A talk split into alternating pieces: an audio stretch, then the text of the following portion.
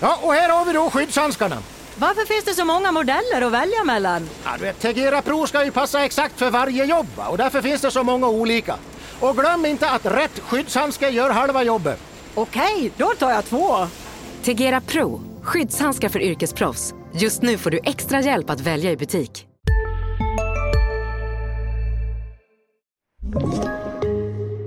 Vi är framme vid avsnittsnummer 37.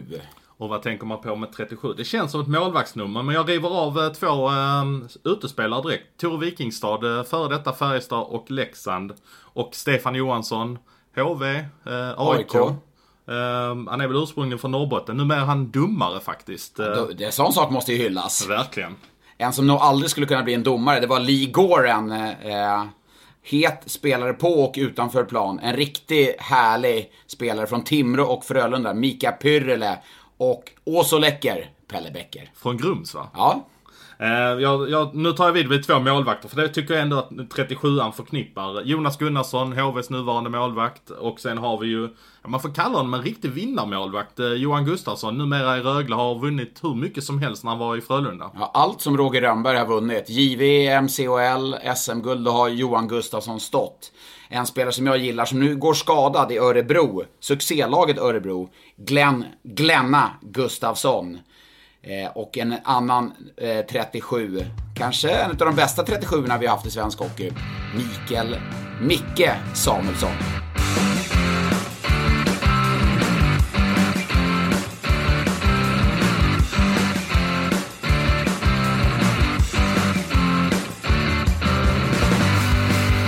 Micke Samuelsson, eh, som vi minns från Södertälje framförallt, NHL, Detroit, San Jose, Vancouver, New York Rangers. En vända i Brynäs va? Vända i Brynäs också. Eh, han är egentligen mest ihågkommen för det här citatet. I pretty much have one comment and maybe I'll regret it. But they can go fuck themselves. That's what I really think.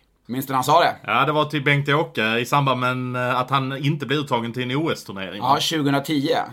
Det här är tio år sedan. Om vi då sätter det i relation till det Dick Axelsson sa, som alla vet vad han sa. Eh, fick avstängning två matcher. Hur hade det här diskuterats nu, 2020, det som Micke Samuelsson sa 2010?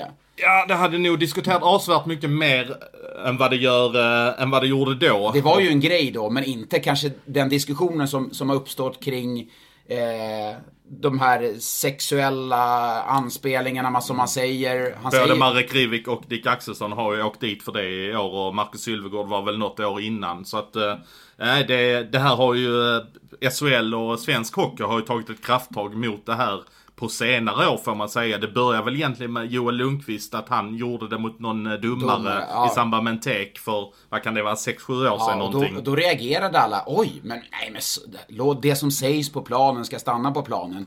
Och det är väl någonstans, jag har ju levt med den hockeyn att nej, men det som sägs i omklädningsrummet ska stanna i omklädningsrummet.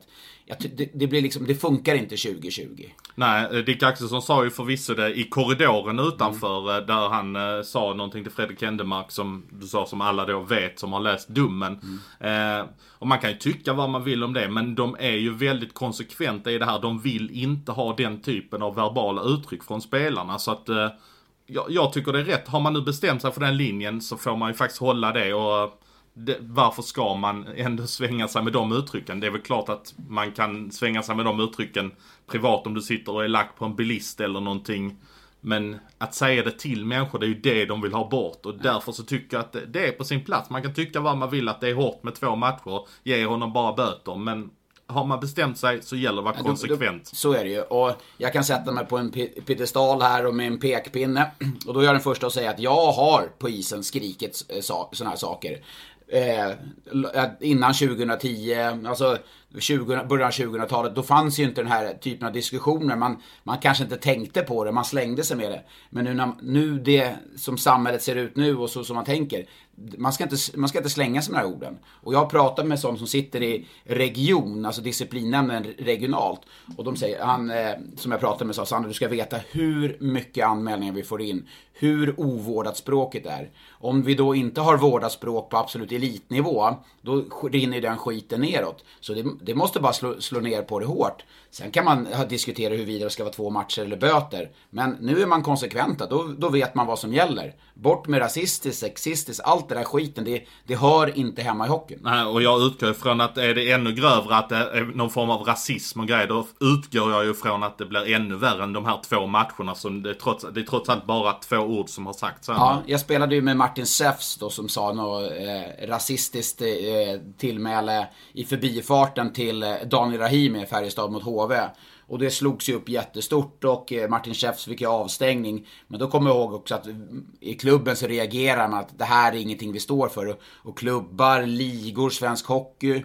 De vill ju prata värdegrunder, de vill attrahera en större publik och då går det faktiskt inte att ha det här typet av språk och, och försvara sig med att äh, boys will be boys, hockey hockey.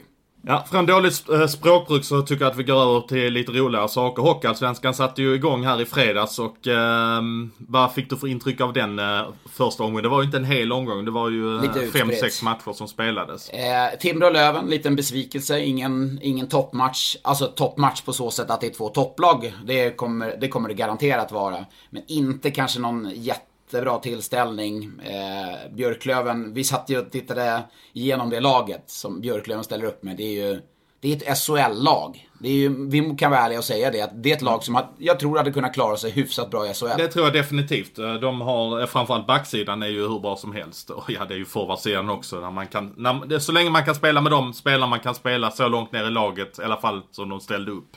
Ja, det, det, ser ju jättebra ut. Men Timrå, ja, de gör det okej okay ändå. Det är en premiärmatch, men man har inte riktigt den där kanske riktiga spetsen som, eh, visst Jonathan Dahlén, absolut. Albeludi, absolut. Men inte riktigt den spetsen som ändå Björklöven sitter på nu. Så, att, så Björklöven vann ju fullt rättvist. Ja, men de har ju en bredd på spetsen. Det är ju, ja, de, de står ju inte bara och faller med en eller två gubbar. Det är Nej, det det, det handlar om. Timrå kommer ju tugga på under säsongen. De kommer ju vinna matcher. Och visst, en premiär mot Björklöven hemma. Den, ja, kanske man, man skulle kunna vinna en sån. Men det är, inget, det är ingen match som man står och faller med så tillvida. För att under säsongen så kommer man tugga på. Man kommer vinna jämna, tajta matcher. Just för att, som du säger, man har den bredden på spetsen. Nu får de in eh, Jesper Bokvist också här, eh, Timrå. Så då får de lite mer bredd på forwardsen. De får in en gubbe extra. De har ju bara gått med 12 forwards så här mm. långt och då är man ju väldigt skadekänsliga. Ja, men eh, det, Timrå har väl hela tiden haft en hållning att de inte skulle värva NHL-spelare för att det är det här laget de ska bygga ihop. Men de har ju sett hur de andra lagen bygger, bygger sina trupper.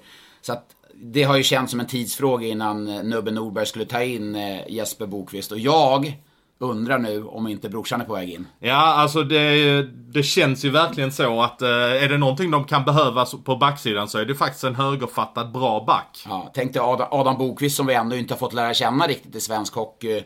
Är ju, vi har sett honom på JVM, han hann inte riktigt sätta avtryck i Brynäs, fick inte riktigt eh, den möjligheten heller. Så um, det vore ju kul om Adam Bokvist, som var, till vardags spelar i Chicago, om han kom till Hockeyallsvenskan för jag har sett honom i JVM. Det är en back som kan göra det mest oväntade. Så extremt skicklig i spelet med puck. Så rent talangmässigt så, och för Timrå att få in den högerskjutande backen så vore det ju toppnamn såklart. Det som är intressant nu med att uh, man plockar in spelare i Timrå var ju att Nubben, sportchefen i Timrå, att han var ju väldigt noga med att då vill jag ha det över längre tid. Men det är ju trots allt fortfarande så att det är till den 15 november som gäller på NHL-spelarna. Och vad jag hör nu så diskuteras det ju i Hockeyallsvenskan om att efter den 15 november då är det stopp på NHL-spelare. Oj! Då, då, vill vi ha, då vill vi göra som SHL. Det, det är väl inte helt klubbat för då hade de ju gått ut med det. Men att det finns en diskussion där nu att man vill göra så och då ryker NHL-lånen om en och en halv månad. Oj, ja, jag, nu hade jag tagit nästan för givet för att det mesta tyder på att NHL och AHL kommer starta väldigt sent. Så nu trodde jag i min fall att kanske att lagen hade fått någon form av signal att de kunde ha spelarna längre, kanske i januari ut eller... Alltså det är ju det rimliga att man ändå till slut kommer överens om det, tycker jag. Om man nu utgår från att NHL kommer igång i slutet av januari, början av februari. Varför ska de inte få vara där längre då om man ändå har landat in dem? Men är det en rekommendation som Hockeyallsvenskan har, eller hur, hur diskuteras det? Ja, men det är ju det som är frågan. Eh, och rekommendationer är uppenbarligen inte så mycket värda. Så att... Det finns väl säkert sätt att kringgå det där. Eh, men, eh, och som, som jag sa, det är inte helt spikat för då hade de ju gått ut med det. Men jag vet att det finns en sån diskussion att man har tyckt det blivit för mycket kaos av det. Så därför vill man att, eh, att man vill hitta en gräns på det. Det kanske är så att den gränsen skjuts fram för att man ser att NHL börjar senare än vad man har trott. Så att det, det, det är ju inte någonting som är hugget sten på något sätt utan vi får helt enkelt se var det tar vägen. Men det vore intressant för vissa lag att se var det tar vägen. För det är rätt många lag som ändå har laddat in mycket spelare. Eh, vem satte störst avtryck tycker du av NHL-spelaren? Nu ska vi göra tydligt här att vi sitter i Karlstad på ett hotellrum som du har fixat här, jättefint. Eh, och det är eh, söndag eftermiddag, så det kommer ju spelas matcher. När ni lyssnar på det här så har det spelats några matcher. Men fram till dess då, vad, vem tycker du har satt störst avtryck av NHL-lånen i, här- i Hockeyallsvenskan den första matchen? Ja, det som jag reflekterade över måste ju ändå vara Marcus Sörensen. Att han klev Klass, in. klass. Ja, han kliver in i Vita Hästen och leder laget eh, offensivt. Känn på det igen, Marcus Sörensen, Vita Hästen. Hur, hur känns det? Det är helt eh, osannolikt. Ja, ja, verkligen. Men det är ju Tony Sabel som har Absolut. den relationen med honom. Så att, eh, nej men eh, det är ju imponerande av hästen. 0-0 första perioden, går de in och gör 0-4 i andra perioden och stänger ner butiken egentligen helt och hållet. Och eh, att vinna Modo borta, det sätter ändå ett visst avtryck. Även om jag är, jag börjar vackla lite hur Modo, var de är på väg i sin resa. Vad tänker du? Ja, försäsongen var inte bra. Visst, man ska inte färgas för mycket av försäsongen, men den inledningen på säsongen, torsk hemma, Ville Nieminen, når han fram till spelarna och pratar lite svajig engelska. Ja, alltså... har, de så, alltså, har de så bra lag då? Om du tänker, om du kollar på pappret nu. Vi, jag tänker att Modo, topplag, fjolårssäsongen, man är på väg att bygga någonting och det är ändå Modo. Men man kanske inte har ett bättre lag än att man ska vara sexa på pappret. Nej, alltså så kan det ju vara, men eh, någonstans så ser jag ändå Vita Hästen som ett sämre lag. Nu är det klart att Vita Hästen har laddat in väldigt många bra spelare. De, är, de ligger verkligen i framkant vad gäller NHL-spelare. Ja. Eh, men att torska 2-5 hemma mot Vita Hästen det första de gör, Ja, det, det. Det det inger inget förtroende. Och speciellt då som, man, som spelare, man vet själv om man har haft en dålig försäsong. Och så inleder man med en förlust också. Det bara bygger på den här känslan att oj, fast att man kan få det jobbigt. Den, den, den är obehaglig och den kommer rätt snabbt också. Har man haft en bra försäsong, på sätt och vis kanske HV, man kan vaggas in i en falsk trygghet. Men förlorar man första så är det ändå att vi vet att vi kan, vi har visat. Och så kanske man vinner andra så är man på spår igen. Men nu när man haft en dålig försäsong, man förlorar första som du säger hemma mot Vita Hästen. Då börjar det direkt sätta lite frågetecken, en oroskänsla. Något som jag ändå reflekterade över i den matchen också var ju faktiskt att Adam Werner inte stod i matchen utan det var Julius eh, Pojanoksa som stod och eh, Det är, det är, det, det, kan tyckas att det är märkligt, men jag såg Pojanoksa under försäsongen och jag tyckte han var riktigt jäkla bra. ja, men det är ju ändå intressant att man väljer att ställa honom i första matchen. Ja, men eh, om man eh, känner att ja, vi vill eh, lita på honom. Det är klart att Adam Werner kommer ju Ja, stå ja. mycket matcher här nu, men det är nog rätt vettigt att man eh, visar Pojanoksa det förtroende. Vi, eh, vi tror på dig, vi vill köra med dig. Bara för det kommer en NHL-spelare så är det inte helt givet för oss, utan vi har värvat dig för att du är den vi tror på. Så det tycker, jag, det tycker jag att Sabel gör det bra som eh, slänger in Pojanoksa nu. Då kan dra en liten parallell till jag tycker hur Roger Rönnberg matchar Theodor Lennström. Han vet att Theodor Lennström kommer vara, han är på lån från Edmonton, kommer vara där under en kortare tid. Han spelar de andra backarna mycket mer. Sellgren hade 25 minuter i lördags. Medans eh, han var, Lennström hade en 13-14 minuter. Han vet ju att det är de här spelarna, Norlinder, Elliot eh, och, och det är de som ska vara hela säsongen. Då får han liksom ha en roll, där kanske en coachande roll utan en stjärnroll. Hur går Elliot din eh, favorit? Det blev bara en poäng första matchen, sen har det inte blivit så mycket mer. Nej, men han är, han är faktiskt ser ju jättefin ut, Stefan Elliot. Det, där kan jag lägga mig platt och säga att jag, jag, jag trodde inte att det skulle vara en toppa kanske. Och det är klart att det är för tidigt att prata, men jag, så, jag har sett honom de här matcherna och förra söndagen mot Djurgården så var han ju... Det var någon som skrev på Twitter att det var Cody Curran-klass på honom. Men det, så var det inte riktigt. Men han, han var riktigt bra, så det är klart att det är en, än så länge en fin förstärkning för dem. På tal om tidigt i serien, Västervik har inlett med två raka vinster, båda på bortaplan. Först slår de AIK borta, sen slår de Mora borta. Ett lag som man kanske inte pratar så mycket om. Fjällby får spela powerplay och eh, har levererat två pinnar så här långt. Eh, har du fått någon feeling för Västervik? Nej men alltså de har ju också fyllt på med, med bra spelare. Så att det är klart att ett sånt lag kommer kunna överraska. Jag är mer kanske imponerad att de slog Mora borta när man slog AIK. För att jag har fått en väldigt positiv uppfattning om Mora när jag pratar runt med lite spelare som har mött Mora på försäsongen. Jag lyssnade på podden med Johan Hedberg som vår kollega Adam Johansson har gjort. Alltså jag får en väldigt positiv uppfattning kring Johan Hedberg och tror att äntligen så kanske Mora har hittat en tränare som över Den, tid... den de har letat Den- efter sen Colliton Lite, egentligen. lite så faktiskt. Och det är kul att det kommer in ett nytt namn så tillvida att Johan Hedberg inte har varit i svensk hockey och varit tränare tidigare. Men jag måste ju också nämna Bouchard i Södertälje, backen som avgjorde sent mot Väsby.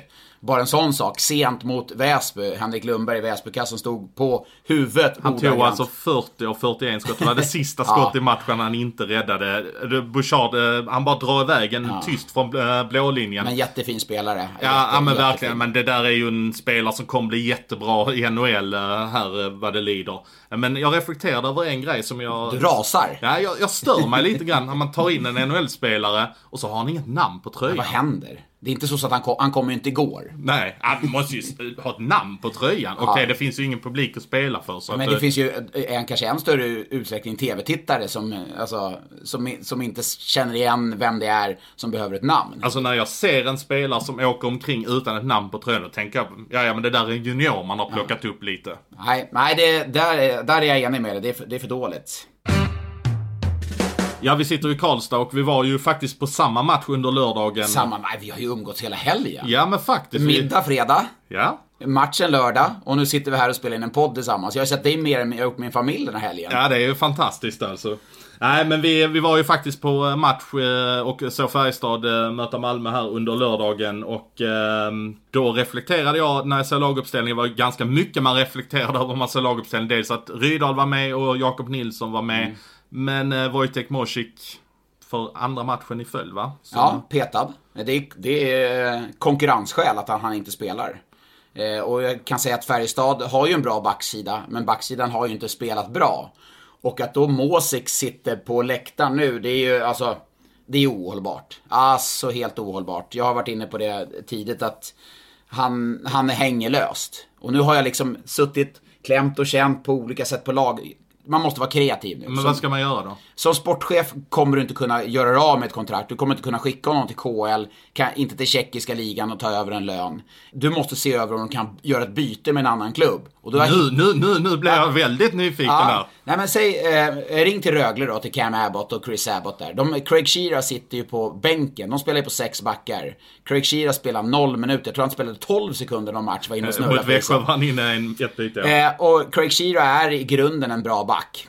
En grunden en stabil, bra, fysisk, defensiv back. Men han har hamnat helt fel. Han har noll självförtroende. Han är ute på isen. Han vill inte, när han väl är ute på isen, förutom de 12 sekunderna som han inte kan göra någonting.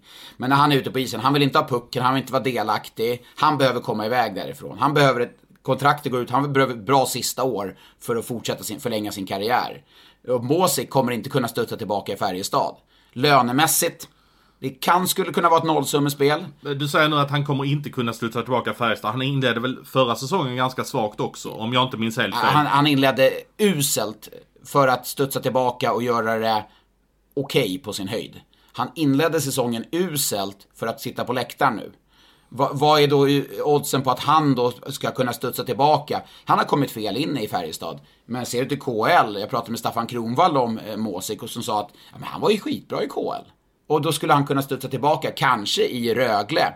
Och Rögle tar ju ingen chansning så tillvida att man blir av med Craig Shearer som man uppenbarligen inte känner att man har sin användning för och får in Måsik då man kanske skulle kunna han får nollställa sig och börja om och bygga ett självförtroende. Men vad, vad, om vi vänder på det. Vad ska Färjestad med Shira till och vad ska Rögle med eh, Mosik till? Det är, ett- det är ett byte där det är en chansning för båda. Eh, Färjestad kan ju få in Shira som är en duktig fysisk defensiv back. Och ser du på Färjestads spel i inledningssäsongen så saknar man ju dels fysik, aggressivitet och stabila defensiva backar.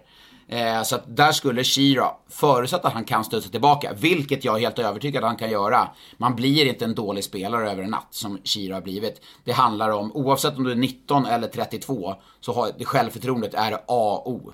Craig Shearer har noll självförtroende just nu. Han vill inte spela, han vill inte vara delaktig. Han kan få börja om i Färjestad. Och eh, då om man vänder på det med Mosik, eh, vad, vad hittar du för roll till honom i Rögle? En roll som Craig Shearer skulle kunna ha. En Craig Shearer med självförtroende. Mosik, alltså båda Men spelarna... Shearer har väl haft lite olika roller i Rögle. Han har ju varit en eh, tongivande offensiv back Ja. och sen har han ju varit en eh, back som bara ska tänka eh, Men- defensiv. Men kolla Jelena när han kom till, det första när han kom mitt under säsongen för, i förfjol.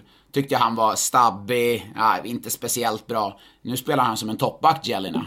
Det skulle ju Måsik kunna få en liknande utveckling med självförtroende, förtroende. Men att hämmar inte det Niklas Hansson, Johannesson, eh, Lukas Ekeståhl då? Hämmar, alltså de har sex backar de spelar på. Alltså du måste ha sju backar, det kommer att bli skador. Nu har det varit ett eh, skonsamt spelschema. Rögle har ju flyttat någon match hit och dit, så de har inte spelat speciellt mycket. Men du kommer att få skador, du måste ha en konkurrenssituation. Så att, eh, att Måsik skulle kunna komma in och börja om där, ja, det, är- det är ett win-win för båda. Ja, det, det, att fin, det, det finns ju ingenting att förlora eftersom de redan har förlorat båda två så att säga. Nej, och det finns ju ingen som klubb som här och nu som säger Men Måsik, han vill vi ha, vi tar hela hans lön. Eller det finns ju ingen klubb som går och säger Shira, han vill vi ha, tar hela hans lön. Då blir det ett nollsummespel, kronor och ören, exakt vem som tjänar hit eller Det har jag ingen aning om. Men jag kan tänka mig att de ligger i samma region kring 200 i månaden någonting. Spelarna är rena handelsvaror.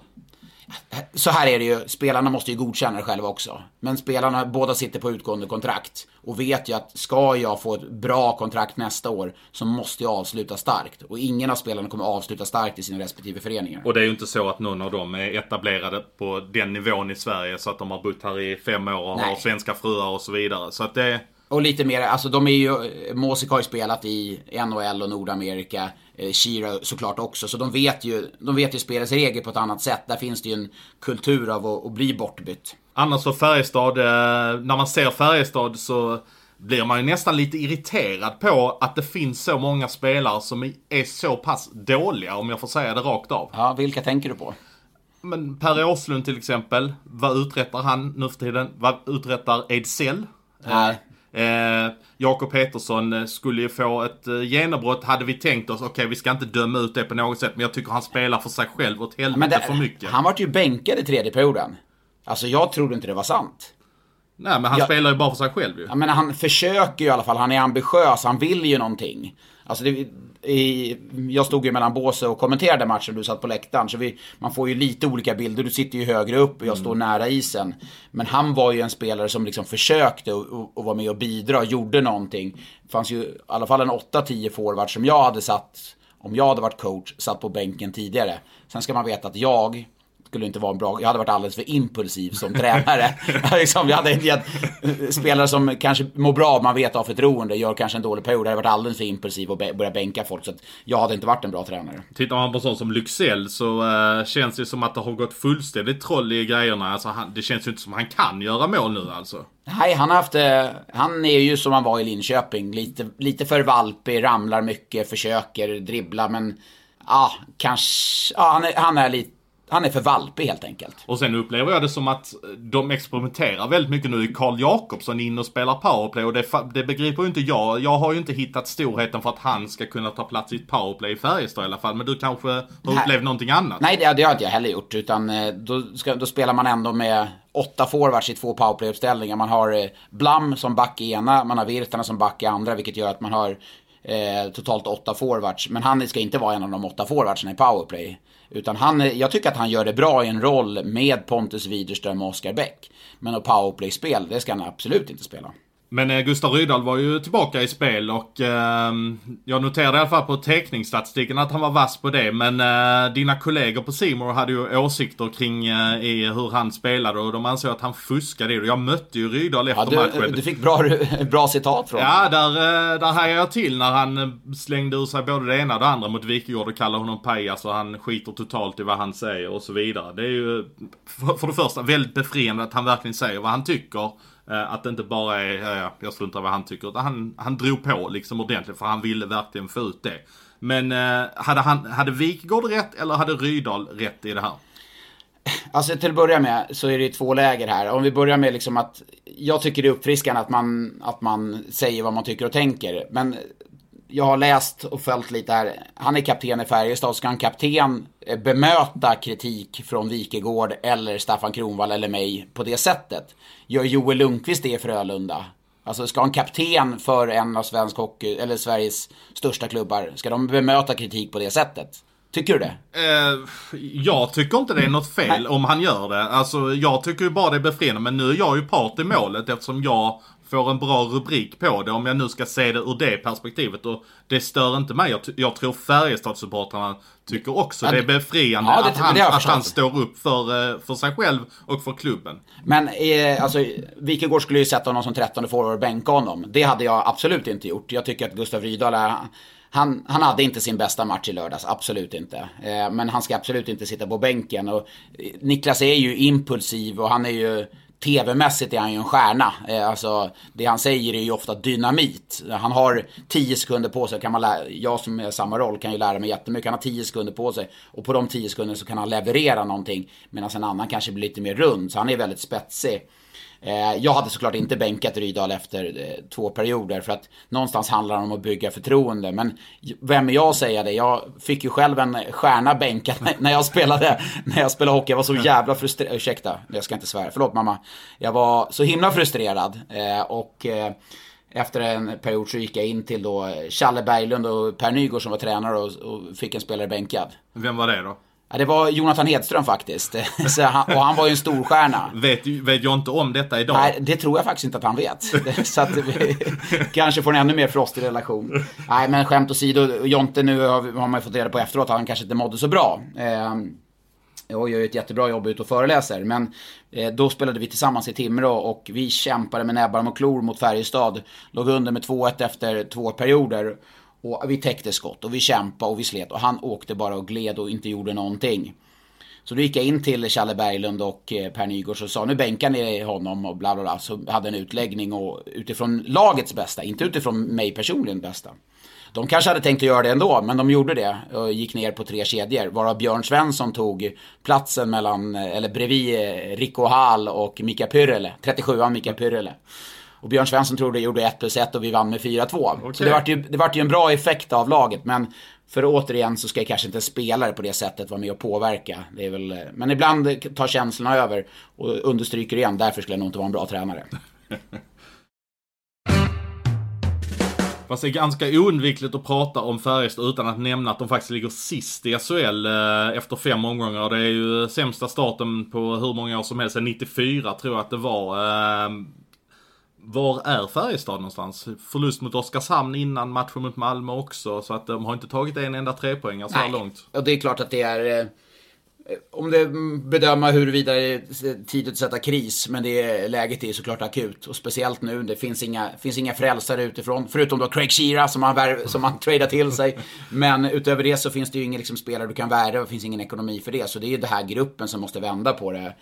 Eh, samtidigt som man kan ha kritisk mot Färjestad så måste vi ändå nämna Oskarshamn där. Eh, när jag såg dem i torsdags, eh, jätteimponerad av Oskarshamn. De har ju en sjuk effektivitet måste man säga. Och Fart i spelet, ett helt annat driv i det också. Mm. Och de lever ju mycket på sitt powerplay och har fått igång det på ett äh, jättebra sätt. Och, och så är det i hockeyn nu för tiden att, att powerplay är så pass viktigt. Ja. Har du ett bra powerplay så kommer du väldigt långt. Och, och sen tror inte jag att det, just de siffrorna kommer inte hålla sig sett över hela säsongen såklart. Men att man har inlett så här starkt, får bygga självförtroende, bygga tro. Och jag, alltså jag gillar verkligen det här tränarteamet, Martin Filander där med Jakobs och Kärnqvist, hur det är uppbyggt. Det känns, det känns som att spelarna vill, det, de vill spela för dem. Det, det känns som ett ja men det var jag inne på här för någon vecka sedan också. Att det känns som att de har roligt ute på isen, Ja. Oskarshamn. Ja, och det är liksom ett bra go. Och sen 50 personer. Att 50 personer kunde låta så mycket i den lilla ladan där, eller ursäkta ladan, den är jättefin hallen. Men 50 personer från Blue Front Support eh, höll igång hela matchen. Ja, ja men verkligen. De eh, har gjort ett jättebra jobb på de hemmamatcherna som eh, Oskarshamn har haft. Eh, och nu får ju Oskarshamn även in Oskarsund här. Och han hade vi uppe i förra veckan att han låg ute lite på marknaden. Malmö erbjuder ett korttidskontrakt. De fick nej tidigt på veckan. Och nu förstår vi ju lite grann varför Ja. han... För dels så kommer han nu få flytta till en stad avsevärt närmare Jönköping. Du sa han blivit pappa precis. Alltså det, Precis. det är en närmare flytt, en en- enkel Och så flytt. fick han för hela säsongen också. Ja. Så då förstår man att han, eh, att han nappar på det hellre. Och, och det är ju nästan så att man kan se framför sig att han kan få en stor roll i det här laget. Ja, men se, alltså, spelmässigt är han ju inte en Rickard Palmberg, men är det en ersättare till Palmberg som vi nämnde förra veckan som befarades vara skadad hela säsongen? Eh, det, är ju, det är ju en kropp till i alla fall Ja, om man får säga så. Det är, ju- Oskarsund är ju inte en center. Så att, eh, och han är ju kanske inte den poängmakaren. Men eh, om man får se det som en kropp till in i truppen eh, så, eh, så är det väl ändå så. Tror du en tillfällighet att de släpper nyheten på söndag, dagen efter de har mött HV? Det hade ju, hur hade det tagits emot? Eller hur hade Oskar ställt sig och få spela sin första match då? Lek med tanken om han hade presenterats på onsdagen och, pre- och spela sin första match mot HV. Hans HV71 som, Ja, det- det han, som han ändå haft en kärleksförklaring, hyllning till supportrarna. Ja, nej det, det är möjligt att det finns ett samband i det där. Men eh, nej, kom, han kommer få möta HV ändå här under Ja, säsongen. såklart. Men inte som första matchen. Nej, det hade ju varit eh, Men det, speciellt. jag vet att Johannes Salomonsson och Oskarsund är jättetajta superkompisar och Johannes Salomonsson har lobbat för Oskarsund hela, hela sommaren till sportchefen där Thomas Fröberg. Så att är en bra värvning. Oskarshamn står ju, eller Oskarsund står för det som Oskarshamn står för. Mycket fart i, i skridsko, intensitet. Så att han kommer, han kommer göra det bra där. Ja, definitivt. Han är vi ändå inne på Oskarshamn där som eh, reste ju några mil där eh, till eh, Jönköping och pressade HV rätt länge. Men HV fick ta den där så viktiga trepoängaren. Ja men verkligen. Att vända 0-2 och 1-3 i det läget som HV nu Mm. befinner sig i. Det får man ge att det är, det är faktiskt starkt. Och det kan, alltså det där kan de bygga vidare på nu under stora delar av säsongen som jag ser det. Skellefteå borta här näst tuff match men att åka upp till Skellefteå och ha fem raka torsk i ryggen. Den hade inte varit rolig. Nu är det ju nästan så att Ja, men vi har allt att vinna liksom ändå. Att åka upp till Skellefteå. Ja, men det, det var jätteviktigt. Jag, jag jobbade ju som sagt på Färjestad och Malmö när det plingade till där. Så jag, åh nej, nu är det en, en, liksom en förlust till för, för eh, HV. Men starkt, starkt att vända och, utan då får vi säga Elias Andersson som avstängd fem matcher. Ja, ska vi ta dem, den där avstängningen? Var fem matcher för mycket som du ser det eller? Alltså den tacklingen är, den är helt onödig. Det är en tackling som gjorde ren frustration. Eh, jag är, är på den nivån. Just nu pågår vår stora season sale med fantastiska priser på möbler och inredning. Passa på att fynda till hemmets alla rum, inne som ute, senast den 6 maj. Gör dig redo för sommar. Välkommen till Mio. Hej, Synoptik här. Visste du att solens UV-strålar kan vara skadliga och åldra dina ögon i förtid? Kom in till oss så hjälper vi dig att hitta rätt solglasögon som skyddar dina ögon. Välkommen till Synoptik. Att jag sitter inte millimetergranskar tacklingen huruvida den träffar på hakan eller lite så. Men det är en onödig tackling. Och jag tycker att disciplinen har satt ner foten. Tre eller fem matcher, ja ja.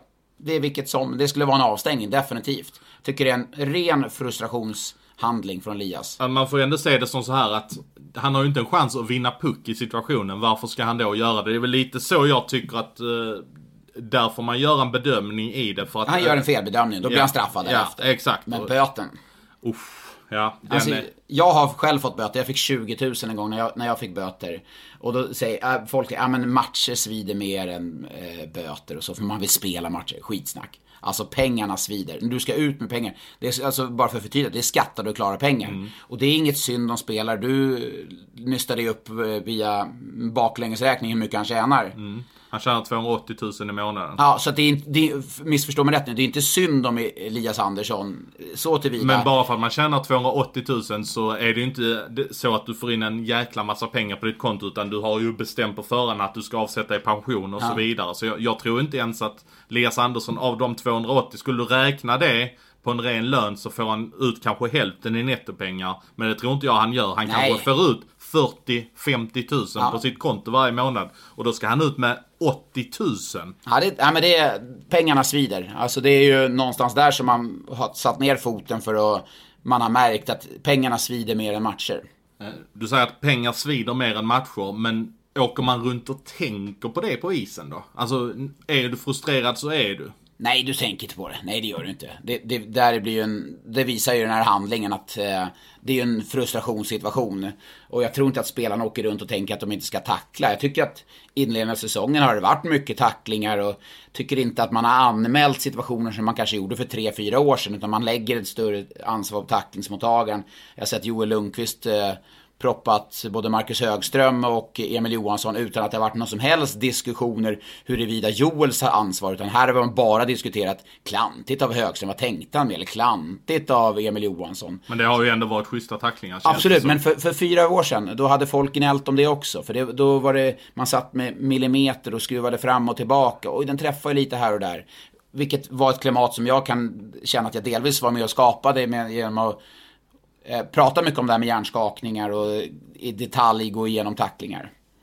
Ja, samtidigt som Elias Andersson eh, fick sitt straff så fick ju Dick Axelsson också sitt straff. Och eh, då vill jag ändå prata lite grann om det här Djurgården. Jag har sett, du såg dem där mot Frölunda, jag såg dem i torsdags. Nu såg vi väl inte mycket av matchen. Jag vet inte om du har sett Jag har matchen sett, mot Rögle jag har sett matchen också. Och det, det är återstående, det är samma problem. De drar på sig väldigt mycket utvisningar.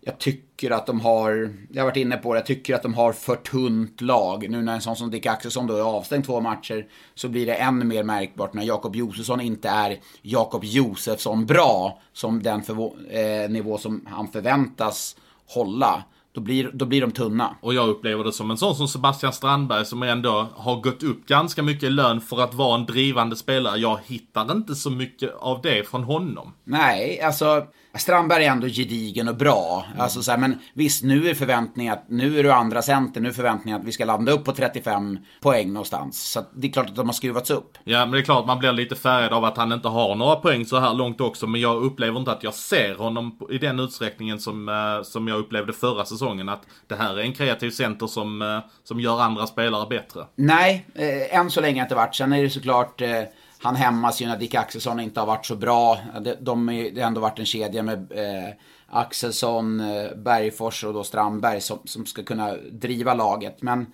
när du såg dem ändå på plats, det är skillnad att se dem på TV. Jag ska, jag ska jobba med dem på, på torsdag mot Luleå. Men eh, ska man vara orolig som djurgårdare? Det tycker jag ändå att man ska vara för att eh, jag såg en det var en dålig match. En Ja, det riktigt var en dålig match. medelmåttig match alltså. Medel, nu var du snäll.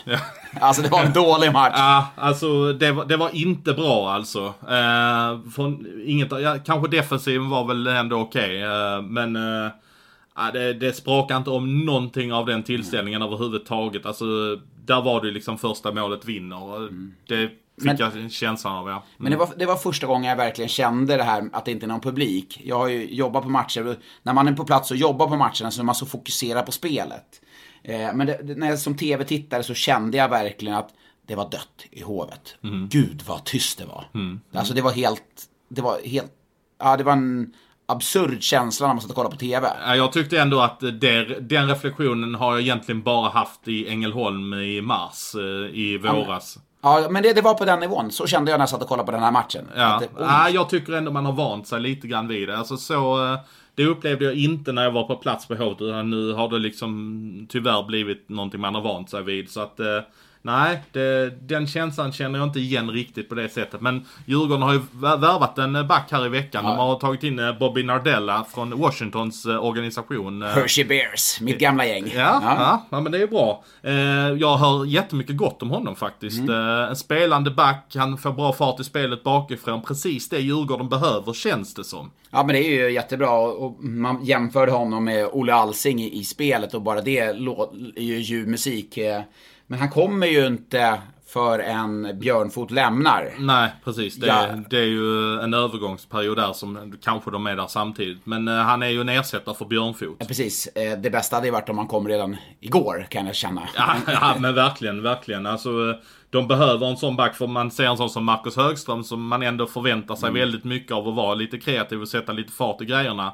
Där har man inte sett så mycket så här långt i alla fall. Nej, där finns det mer att hämta. Det fanns det redan förra säsongen. Men du, vi flyttar fokus från botten till, ja, kanske Djurgården inte botten riktigt, men botten till toppen då då. Örebro, herregud. Ja jäklar vad de går. Och eh, man kan prata mycket om den här Borna Rendulic och han, han vräker in mål, han har ett djävulskt skott. Men eh, Linus Öberg alltså, han har ju gjort en jäkla massa mål han också. Ja, nej men det är imponerande. Hattrick eh, i, i torsdags, lördags fyllde på med ytterligare ett mål och det man har pratat med honom om Linus, det har ju mer varit hans individuella driv. Jag vet han är jättemålmedveten och eh, tränar hårt och det var fysrekord och det diskuterades huruvida det var löpband eller spår. Men han, han är ett fysmonster. Men kul också att han har fått offensiv utdelning. Ja, vad säger du om, om Rendulic? Eh, att han bara vräker in mål. Finns det något stopp på honom? Nej, så länge Bromé och Abol spelar med dem så, så är det ju en toppkedja i hela serien. Bromé, vi har pratat för lite om Mattias Bromé. Han, han ser ju brutalt bra ut ska jag säga. Han ser ju... Rendulic får ju rubrikerna som den vassa avslutaren. Men Bromé tycker jag han, han, har tagit ett par kliv upp från i fjol och då ska vi veta att han var bra redan Han i fjol. var jäkligt bra redan i fjol alltså. Nu ska jag se dem här på torsdag så att mm. det ska bli väldigt intressant att se. För jag har inte sett jättemycket av Örebro. Jag såg dem på någon skärm här på uh, O'Larrys igår uh, när de mötte Linköping och då såg jag att Bromé gjorde något mm. mål här. Men annars har jag inte sett jättemycket av Örebro så här långt. Men då ska du också kolla in backen, Robin Salo, 42an. Du kanske såg honom lite i fjol, men det, det, det är en bild som man kan radera ut gentemot den Robin Salo du ser i år. Toppback i serien. Vad står han för? Fart, bra första pass, bra skott, driver med spelet, komplett back, rätt hyfsat rejäl i det fysiska spelet. Han är en, vad Jesse Virtanen var för två år sedan, där är Robin Salo nu. Oj, oj, oj. oj, oj. Ja, vi, vi, är på, vi är på den nivån och då ska vi ändå veta att han får ju en jäkla stor roll nu när Ibert är borta, när Näckivi inte spelar, när också eh, in, inte spelklar ännu, så såklart han får en ytterligare större roll. Sen ska han, när Näckivi kommer in, då kanske han naggar lite på istiden, när Ibert kommer kanske powerplay-istiden går ner. Men här och nu så, så är, tycker jag att han har inlett som en av seriens bästa backar. Örebro mötte ju Linköping eh, här eh, under lördagen och ehm, där har vi ju fått se lite skifte under Är det Sanne och Svensson-effekten eller? Kanske. Vi, vi, älskar när vi, kan, när vi tror på, det, tror det, på vår egen storhet. Det, det, är bra att vår hybris får växa lite grann. Men eh, Junland har ju fått en jäkla massa mer istid jämfört med vad han hade efter förra veckan. Då. Ja, och det har ju dragit ner på Hampus Larssons istid, Max Lindros istid för att få upp Junland på över 20. Och det jag tycker ännu mer intressant är att man har satt ihop Patrik Lund, eller Patrik Lund och Marcus Ljung. Men så har de fått in Brock Little där också. Fem poäng på två matcher och det var ju lite som jag var inne på. Linköping behöver Brock Little. Nu har man visserligen inte, vann man inte mot Örebro. Men man får ändå ett offensivt. Man, man vände i alla fall mot Brynäs. Ja, jättestarkt. Så att det, det är ju, det är ju bra. Alltså då har de ju en första kedja att bygga kring. Så, sen så är det klart att Palve Ojamäki framför allt. Det kan vara en anpassningsperiod. Men den får inte vara så mycket längre än så här för det har inte sett bra ut för Ojamäki. Nej, och han var deras sista värvning som de la pengar på när de hade 13 forwards i truppen. Så lastar de upp Ojamäki också. Det är ju en sån som kan sticka lite grann i ögonen i de här tiderna. Ja, det är mycket som sticker i ögonen de här tiderna. Och på tal om sticka i ögonen så stack det faktiskt lite i mina ögon ska jag säga i lördags. Skellefteå, knappt fyra minuter kvar. 2-2 mot Brynäs. De får 5 mot 3. Vilka slänger de in på plan? Och Skellefteå har nu en minut och 40 sekunder spel, 5 mot 3. Samma fem spelare inne för Skellefteå. Morley, Kiskinen, Jonsson, Lindström och Möller. Ja, man eh, kanske inte hade höjt på ögonbrynen alls om det här var inför säsongen. Att man slänger in de spelarna. För det är ju de som ska leda Skellefteå. Så, eh, så är, nej, men så är det. De ska ju göra det. Men de gör inte det här och nu. De kommer, kommer göra det om 10, 15, 20 matcher. Men nu i det här läget, när man ska jaga ett mål. Då ska man slänga in de som är hetast här och nu. Och då pratar vi ju givetvis om Jesper Fredén och Berggren och Wingerli och det här gänget. Filip Broberg, backen där, såklart så, så ska vara inne. Och jag förstår ju på sätt och vis kanske en orutinerad tränartrio. Man, man tittar mot Jocke Lindström. Och Jocke Lindström och Möller, hade inte de fått komma in där så hade de, oj vad händer nu? Men det är ju eh, Fredén, jag menar, fyra mål, hattrick, ett mål ytterligare mot Brynäs. Det är klart att en sån ska spela. Jonathan Jonsson, Alltså det är kul att de ger honom förtroende, men han har ju inte levererat än så länge. I det gänget har han ju faktiskt levererat bäst av de som var inne på isen. Så, visserligen, bara en sån sak är helt sjuk. Tänk om du hade sagt att efter fyra matcher så ska Thomas Kiskinen, Joakim Lindström, eh, Oskar Möller och eh, Tyler Morley tillsammans ha svarat för vad är det? En eller två? En poäng. Oj. Oskar Möller gjorde en poäng. Nu ska vi säga att eh, Jocke Lindström till hans försvar, han hade tio skott mot Brynäs. Ja. Och eh, då ska vi veta att den i ribban och den i stolpen räknas inte som skott på mål. Så att eh, Eh, han kommer ju börja leverera. Men när man ska jaga, när man ska vinna en match mot Brynäs och, och stänga en i 5 3 som, som är drömläge. Då tycker jag att man ska in i de hetaste spelarna. Ja, Jocke Lindström behöver vi nog inte oroa oss för. För han kommer ju landa in på sina 35-40 poäng i alla fall. Han, han, är nog inte uppe på den nivån som han var för några år sedan när det alltid var 50 plus. Det, har han nu, det har han nog, är nog borta för honom. Nej men det, det här är ju också ett sundhetstecken. Mm. Jag säger inte det med negativa, men Jocke Lindström han är född 83. Det är klart att förr eller senare så så har en nedgående trend och då måste, jag har varit orolig för det här med Skellefteå, vem ska fylla på? Och nu har du ju naturligt, Jonathan Bergen har varit hur bra som helst. Ja, verkligen. Man har gjort sju poäng på fyra matcher, han, han har spelat som en toppspelare. Wingeli vet vi sedan tidigare gjort, gjort jättebra, visserligen bara gjort ett mål hittills, men Jesper Fredén fem, fem mål, så man, man har fått den där generationsväxlingen som jag inte såg framför mig att man kunde få. Men det som kanske ska oroa lite mer är ju ändå Tyler Morley som de eh, har fått väldigt goda referenser på Finland. Han har gått väldigt bra, han gick väldigt bra på försäsongen. Och nu blir det serie och det händer ingenting. Nej, det händer faktiskt ingenting. Det är, det är en ganska bra sammanfattning. Eh, men eh, där kan man väl kanske ha, ge lite mer tid att det, det kan... Eh, det kommer kanske ta tid när serien väl börjar, bli lite tajtare och så. Men det är klart att han förväntas också göra poäng för Skellefteå. Men du, såg du presskonferensen Om efter? jag gjorde. Om jag gjorde. Ja, Jag tycker det är fantastiskt. Peter, han bjuder ju på grejer. Det, det saknar man ju från hans tid här i Malmö. Det var alltid någonting som man kunde dra på eller liknande. Eh, vi, vi klarar det idag. Ja. Så vad betyder det då för... Liksom, att ni vinner är ju alltid viktigt, men just att ni klarar det här på slutet framförallt. just nu betyder det att vi slapp träna imorgon bitti. Ja, så. Ja. Ja, det blir ju så. ja, det kan vi ju fan Men du, alltså han, han, han hade då stått i båset. är det här bara, alltså du vet, jag har spelat elithockey många år både i USA och så i Sverige och i Schweiz. Jag har aldrig varit med om straffträning, även om som jag blivit hotad till Han, det. han hade gjort det, jag lovar det. Han hade Hade gjort han, men du menar att han hade samlat grabbarna i Gavlerinken eller Monitor ERP Arena i morse, eller på, nu på söndag morgon, och tränat med dem? Ja, ja, definitivt. Han har gjort det Ja, förr. Den skulle jag syna. Han har gjort det förr. Oj. Han har gjort det förr. Allvarligt? Ja, han har gjort det förr. Jag, eh, jag var faktiskt med eh, på deras eh, charterplan hem från Leksand för, vad är det, fyra år sedan nu.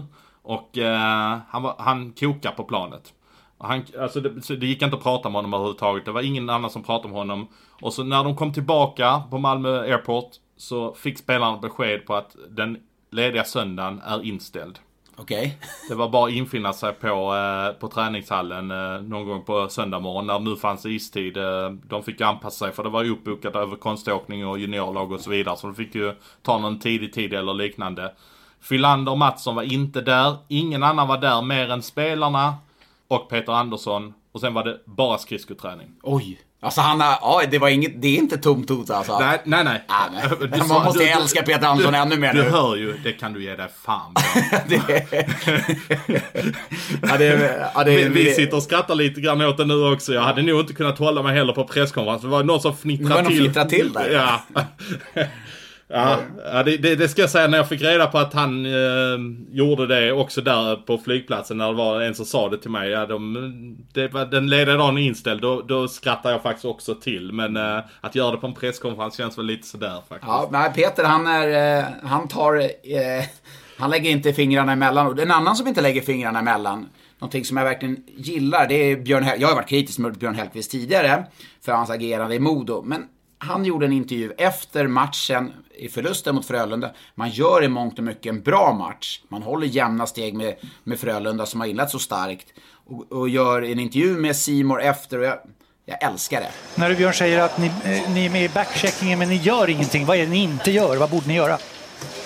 Nej, men det sista målet svänger ju Zachrisson till exempel undan från Alvarez. Han har ju all möjlighet i världen att köra på honom och ta pucken av. Varför, är, varför blir ni så snälla om jag använder det ordet i egen zon? För att vi har inte lärt oss att vinna, men vi ska göra det på resans gång. Ja, här låter han ju faktiskt... Eh, man, ja, sågen går ju egentligen på eh, både Peter Cehlárik och eh, Patrik Zachrissons jobb. Men här tycker jag det är viktigt att har han bara dialogen med spelarna så är det inga problem att göra så. För det är sånt här som, som fansen ändå vill höra lite grann. Det är ju ändå de han talar till ut eh, i tv-sofforna. Ja, men han, alltså han, hade jag varit Leksandssupporter så hade man älskat det här liksom att han vill göra dem till vinnare. Alltså vi måste göra det för att ta nästa steg. Vi är inte vana att vinna, vi har ingen tradition. Alltså, han säger ju det, jag älskar ju det han säger.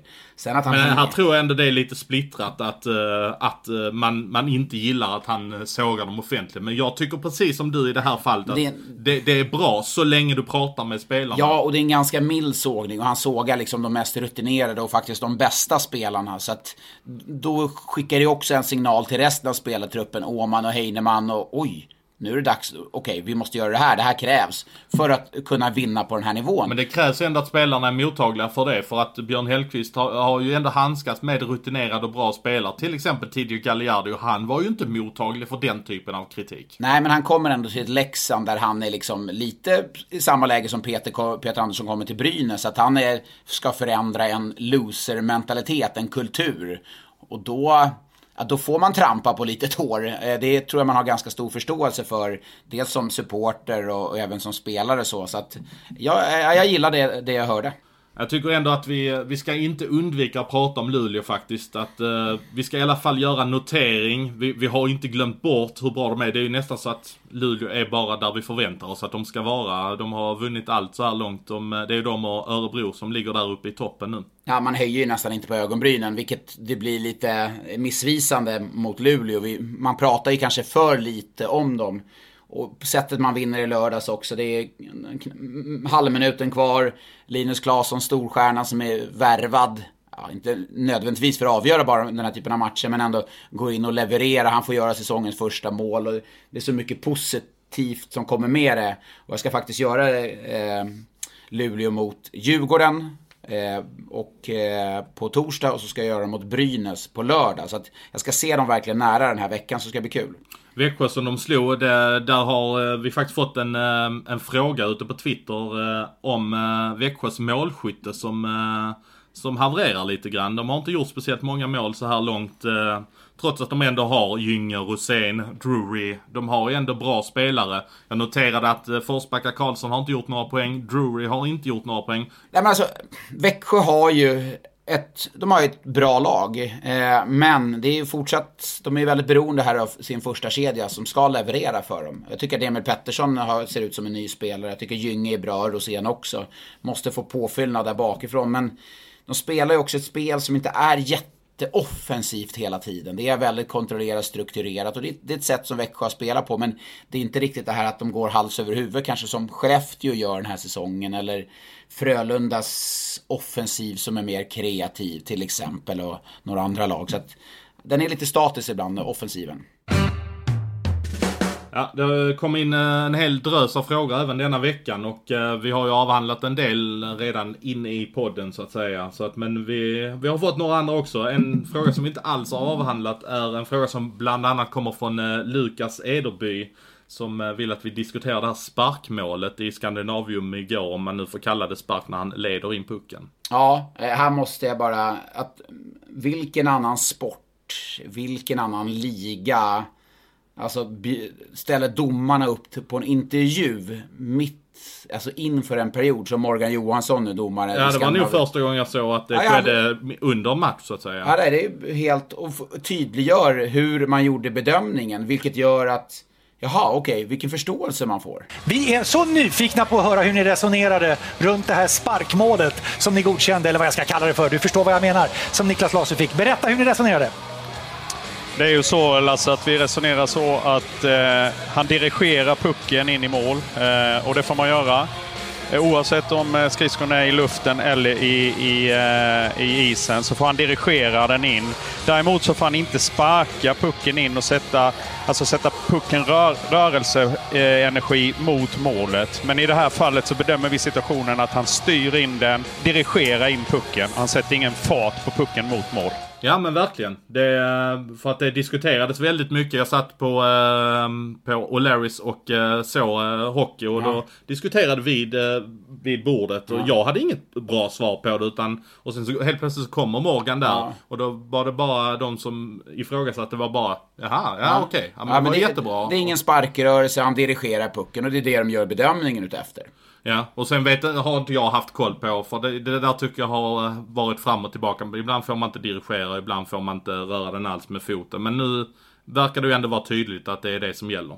Eh, jag tar en från mailkorgen också. Den kommer från Albert Hjärtberg som eh, som eh, lyfter fram att eh, vi måste nämna Jonas Gunnarsson på 37, vilket vi såklart har gjort. Eh, och eh, sen så måste vi ändå kommentera att Kristoffer Persson spelar alltså för HA74 i Hockeytvåan nu. Ja. Det är alltså ett lag från Sävsjö, tror jag att de kommer ifrån. Alltså roligt för HA74 och det är ändå en uppfattning jag har om Kristoffer Persson. Han är väldigt ödmjuk. Jag vet han var utlånad från Frölunda till Karlskoga några matcher för ett gäng säsonger sedan. Och spelarna i Karlskoga, de älskade honom. Han bara kom in utan något som helst liksom, divalater, utan var beredd att jobba hårt och verkligen anpassa sig och ställde frågor. Så att han är en ut i fingerspetsarna ödmjuk spelare som såklart har straffats hårt av världsläget med Corona nu. Han hade inte spelat på den nivån. Han hade ju spelat bra mycket högre upp i en annan liga eh, ett annat land om det inte vore för pandemin. Det, när man spelar på så pass låg nivå så finns det ju alltid utgångar i kontraktet. Såklart. såklart. såklart. Eh, jag tar en fråga från Emil Jönsson också. Eh, han, eh, han har en teori om att det rent av skulle kunna vara bättre att hamna på plats 13 än 12 i grundserien för att man ska få en rafflande matchserie, få mycket intäkter istället för att åka på tidig golfsemester. Det kan jag ju slå fast direkt att så är det inte. Man vill hellre vara 12 och sportchefen vill veta vad du har för förutsättningar ja. att jobba med. Bara det är ju mycket mer värt än Nej, en massa herre, matcher. Herregud, alltså det är ju, tänk, tänk till det. Alltså kvalspelet den här säsongen. Alltså det är ju... Nej, de, de pengarna är man ju ute utan så det bara sjunger om. Då kan du dra in dem på lite mer jobb på sponsorsidan istället. Men han har en bonusfråga som jag tyckte var lite rolig. Hur bra koll har du på Hockeyettan utöver Huddinge? Huddinge, Vimmerby och Vännäs. Det är de klubbarna jag brinner för. Varför brinner du för Vännäs? Ja, Jesper Jäger tränar där. Ja okej, okay. det, det, är så det är. Men annars så har du inte så bra. Men han, han eh, påpekar i alla fall att det är en fantastisk serie med många bra spelare och ledare som aldrig får synas i rampljuset. Och där har han ju en poäng. Att Mycket, alltså det finns en outforskad marknad där med, med eh, skulle jag vilja säga, med mycket spelare som, jag menar, du ser ju på Hockeyallsvenskan tar ju mycket från Hockeyettan, så det är ju jättemycket duktiga spelare. Där. Jag menar Jesper Kokkonen till exempel gick ju från Hockeyettan upp till Karlskoga, blev en toppspelare direkt och är bra i HV71 nu, så det, det är ju klart att det finns spelare. Såklart, det gäller bara att hitta, alltså, och framförallt hitta en roll till spelarna när de, när de kommer upp. Det är oavsett om du går från Hockeyallsvenskan till SHL eller Hockeyettan till Hockeyallsvenskan så måste du få en roll. Det finns ju jätteduktiga spelare från Hockeyettan som kommer upp och får en helt annan roll som de inte klarar av att hantera. En, en, en roll i en fjärde kedja till exempel, när man kanske ska vara en produktiv spelare. En fråga från Stefan Hansson. Eh, mycket kött, då kan ni förstå var Stefan kommer ifrån. Om sönderblåsta matcher, ny domarnivå och att spelarna måste lära sig. Men det är väl spelarna, slash klubbarna, som önskat hårdare tag mot bland annat hakning och slashing. När ska supporterna förstå detta? Frågetecken. Orkar domarna hålla i detta säsongen ut? Stefan då säger att han tycker att det är bra. Jag har ju pratat väldigt mycket om det här, att jag tycker att man måste eh, gynna de kreativa spelarna. Samtidigt så tycker jag man, man får nog kalibrera det lite. Att du ska liksom... Okej, okay, så du vacklar nu eller? Nej, inte vackla, men det ska liksom, är det en slashing så ska eh, spelaren som får den ska liksom bli påverkad. Nu har det faktiskt varit så att jag eh, såg, om det var Jakob Josefsson mot Malmö, mm. som la liksom klubban mot byxan till lite och fick en utvisning. Då blir ju inte Malmö-spelaren i det här fallet speciellt påverkad, eller påverkad överhuvudtaget det blir också en, eh, sätter ännu mer krav på domarna eh, i en bedömningsnivå. Men för att komma till rätta med det här så tror jag att man måste kalibrera systemet lite. Men det är som, som Stefan säger, det är ju spelarna och ledarna. Som, det har ju Thomas Torsbring varit eh, öppen med och sagt, det är de som har önskat det här. Eh, jag tar vidare på det ämnet eh, som kommer från Jonas Röjestål som frågar, får man verkligen se mer av artisterna med den nya utvisningsnivå? För det är väl ändå det som är tanken med det. Jag är högst tveksam. Idag är många utvisningar på Luleå och då blir till exempel Linus Klasen kvar på bänken. Artisterna spelar sällan penalty kill. Så det här kan nog drabba alla lag. Ah, det är ju, ja såklart. Eh, så blir det mycket utvisningar så är det klart att kreativa spelare får sitta på bänken. Men samtidigt, ett lag som Luleå har ju pucken mer än motståndarna, topplag. Vilket i, i det långa loppet borde rendera att Luleå får mer powerplay och Linus får mer istid. Så att eh, det håller jag inte riktigt med om. Även om jag, jag förstår vad han menar just i, i boxplay. Men de bästa lagen kommer över tid få mest powerplay. Jag spinner vidare lite grann också på det här med sparken. Där är ändå en del fans som är fans så att säga mm. och tycker att man uh, gör det bara för att det är det sämre laget eller det hade inte drabbat Frölunda och så vidare. Ja.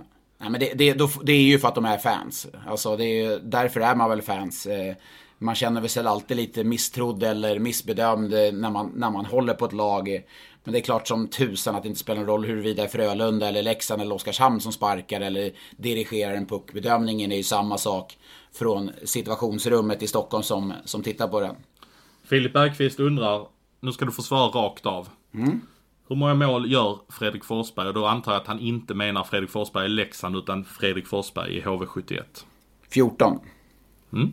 Det var... Ja, men det var Vad tror väl... du då? Nej men, ja jag kan köpa 14. Det var väl någonstans i det stadiet också jag hade kunnat tänka mig.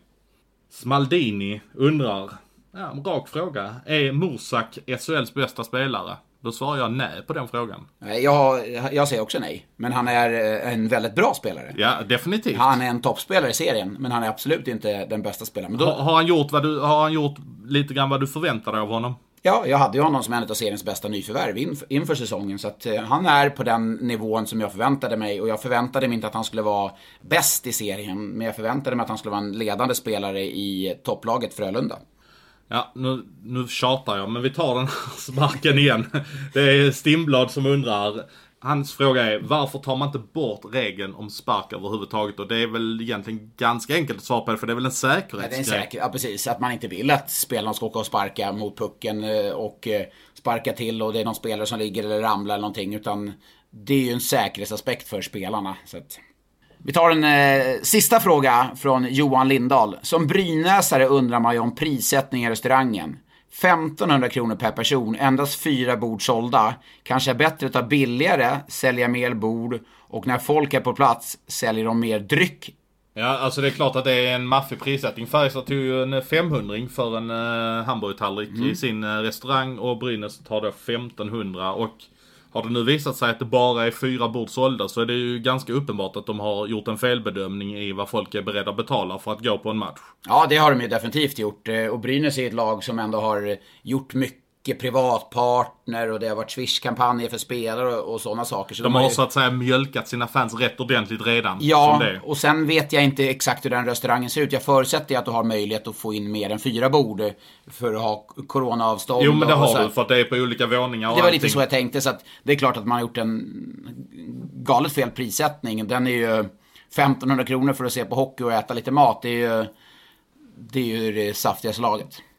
Ja, det var sista frågan då. Men en fråga som jag ändå vill ta upp som vi ändå får både på mail och eh, folk säger till oss och eh, det är även här när vi ställer frågan är Var tar Elite Prospects tävlingen vägen? Eh, De tycker den var rolig det tyckte vi också. Ja, jag tyckte det eftersom jag vann i alla Ja, fall. det förstår jag att du tyckte. Eh, vi känner väl att eh, vi har spelat ut det kortet lite grann med en Elite Prospects tävling. Ja, ja. Men vi har diskuterat lite om vi ska ha någon annan. Det eh, kommer en ny tävling. Ja, vi, vi vet inte när den kommer. Nu har vi dratt på som satan här med tiden idag. Så älskar att- att snacka hockey, så vi får, vi, ja, framöver kommer det komma en tävling. Eh, om, håll ut en vecka eller två till så lanserar vi något nytt. Ja, det spikar vi. Men du, eh, vi eh, tackar för Jag eh, kommer, Karlstad. men jag kommer sakna, jag har sett det så mycket de senaste dagarna. Ja, verkligen. Men jag vill också avsluta med att jag verkligen vill tacka eh, på Clarion Plaza i eh, Karlstad för att vi fick låna det här rummet. Och jag var ute på en rundtur här eh, under lördagen för att kolla ett bra rum och så fick jag ett förslag på ett rum. Jag var nog en väldigt annorlunda gäst som bad om ett, det minsta lilla rummet man kan tänka sig. Och så var jag inne på ett rum.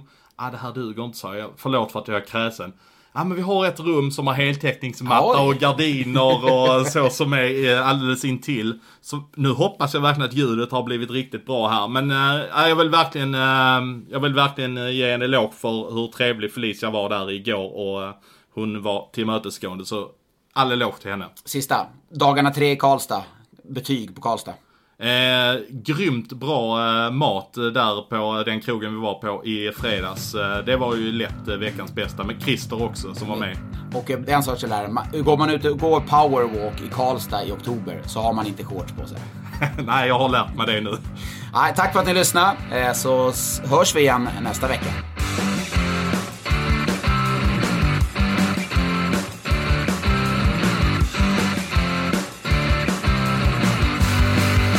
Du har lyssnat på en podcast från Expressen. Ansvarig utgivare Klas Granström. Expressen samarbetar med Podplay, en ny podcastplattform från Bauer Media, där du hittar Expressens poddar och förstås även en massa andra poddar.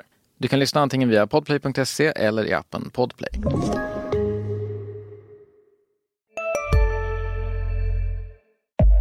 Upptäck hyllade XPeng G9 och P7 hos Bilia. Våra produktspecialister hjälper dig att hitta rätt modell för just dig. Boka din provkörning på bilia.se xpeng redan idag. Välkommen till Bilia, din specialist på XPeng. På Sveriges största jackpot-kasino går hypermiljonen på högvarv. Från Malmö i söder till Kiruna i norr har hypermiljonen genererat över 130 miljoner exklusivt till våra spelare. Välkommen in till Sveriges största jackpot-kasino, hyper.com. 18 plus, regler och villkor gäller.